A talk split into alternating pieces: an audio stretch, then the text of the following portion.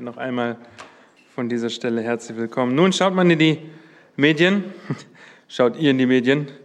Oder wir, dann kann einem sehr schnell Angst und Bange werden, oder nicht? Also nur ein paar Schlagworte. Afghanistan und die damit verbundene Furcht vor dem Terror, Impfzwang und die damit verbundene Furcht vor Einschränkungen für ungeimpfte oder politische Veränderung oder die Situation hier.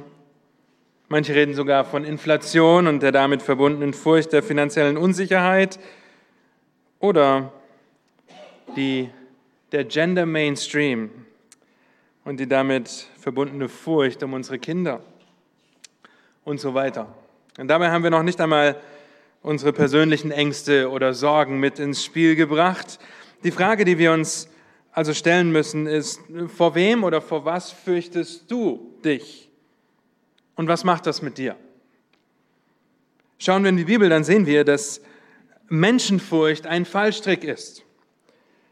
Sehen wir, dass Sorgen machen unsere Hingabe entzweit, dass das Klammern an materiellen Reichtum völlig unnütz ist und dass es eine falsche Überzeugung ist, zu meinen, unsere Kinder vor allem und jedem schützen und fernhalten zu können. Ja, wir würden uns das vielleicht wünschen, dass wir das könnten, aber wir können das nicht. Das heißt, die Frage ist, wen oder was fürchtest du? Denn alle sündhaften Ängste oder Sorgen, alle sündhafte Verzweiflung werden dich letztendlich in den Strudel des Selbstmitleids, vielleicht auch des Fernbleibens und der weiteren Furcht ziehen, weil Satan genau das will. Und der Fürst dieser Erde genau das will. Er will die Menschen im Chaos ihrer Gedanken und im Chaos ihrer Umstände und Situationen gefangen nehmen und sie dazu bringen, sich selbst zu belügen, sich selbst zu betäuben. Und so rennen Menschen äh, zu Ersatzgöttern. Sie rennen dorthin, um ihre Ängste und Sorgen zu vergessen weil sie meinen, darin die Lösung zu finden. Das heißt, die Frage ist an dich, wenn du dich gewohnheitsmäßig um deine Ängste, um deine Sorgen des Lebens drehst, womit betäubst du dich oder wohin fließt du damit? Für manche ist das Betäuben das Lästern darüber. Lästern über die Umstände oder Situation, andere vergleichen sich ständig mit ihrem Nächsten, mit denen, die es schlechter haben.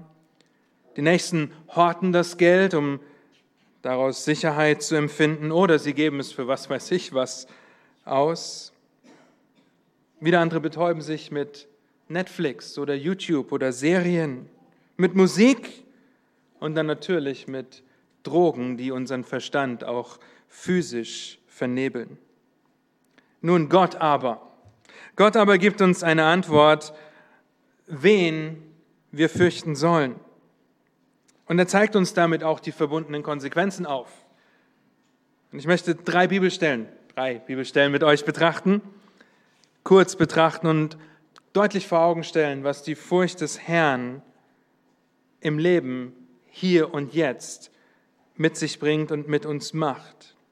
Sie wird uns nicht versklaven, sie wird uns nicht betäuben, Sie wird uns nicht dazu anleiten, uns selbst zu betrügen. Das sei festgehalten. Die erste Stelle findet ihr in Sprüche 1, Vers 7. In Sprüche 1, Vers 7 heißt es, die Furcht des Herrn ist der Anfang der Erkenntnis. Nur Toren verachten Weisheit und Zucht. Die zweite Stelle findet ihr ein paar Seiten weiter in Sprüche 9, Vers 10. Da ist es, die Furcht des Herrn ist der Anfang der Weisheit und die Erkenntnis des Alleinheiligen ist Einsicht. Nun, was ist diese Furcht des Herrn?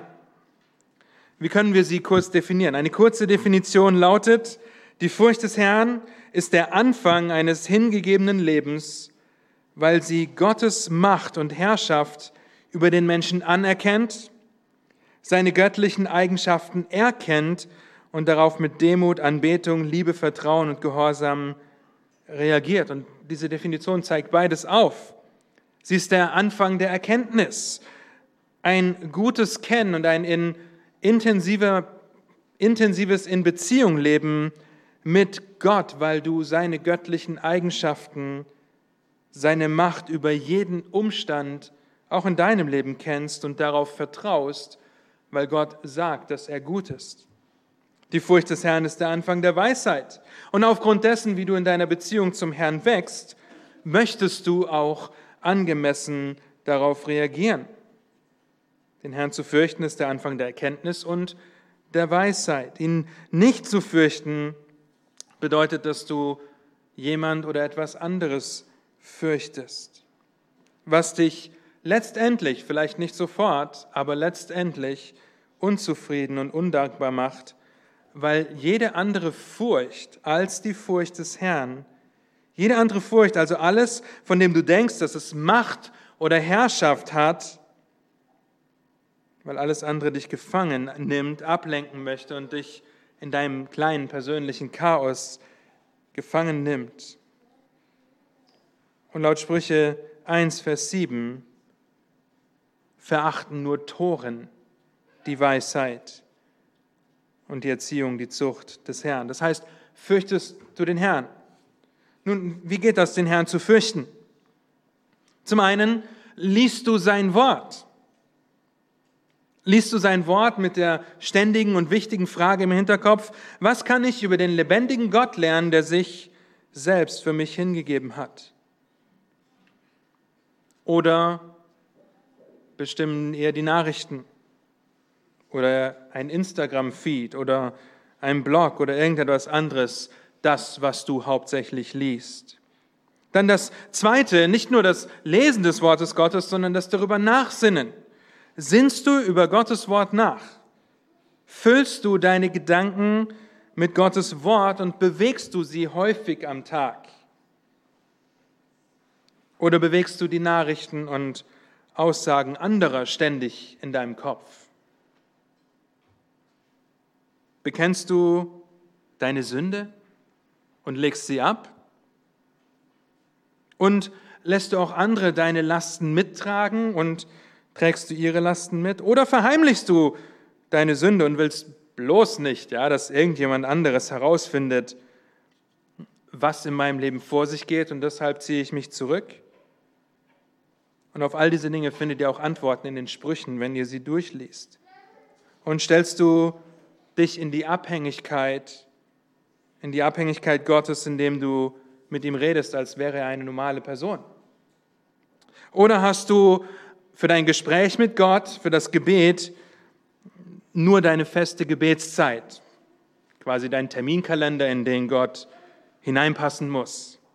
Wenn die Furcht, die nicht den Herrn fürchtet, zu Angst, Sorgen und Verzweiflung sogar, wir lesen das, zu Todesangst führt, dann führt die richtige Furcht des Herrn und die damit verbundene Erkenntnis und Weisheit zu einem Vertrauen auf den Herrn zu einem Vertrauen, das uns ruhig machen kann in den turbulenten Zeiten unseres Lebens, zu einem Vertrauen, das uns mit Frieden und Freude, mit Gnade erfüllt, weil wir wissen, wem wir dienen und wer alles in der Hand hat. Und die dritte Stelle, die ich euch aufzeigen möchte, findet ihr in Sprüche 14. Sprüche 14, Vers 26 und 27, hier sehen wir gleich zwei Ergebnisse der Furcht des Herrn. Und da heißt es, die Furcht Jahwes oder in der Furcht Jahwes liegt starkes Vertrauen. Er wird auch seinen Kindern eine Zuflucht sein. Die Furcht Jahwes ist eine Quelle des Lebens.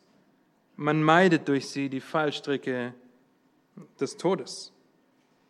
Ich hoffe, ihr könnt in euer Leben schauen und könnt sehen, wo eure Furcht des Herrn, deine Furcht des Herrn dazu geführt hat, dass du dem Herrn mehr vertraust, dass du ihn zu deiner Zuflucht machst in Zeiten der Ungewissheit.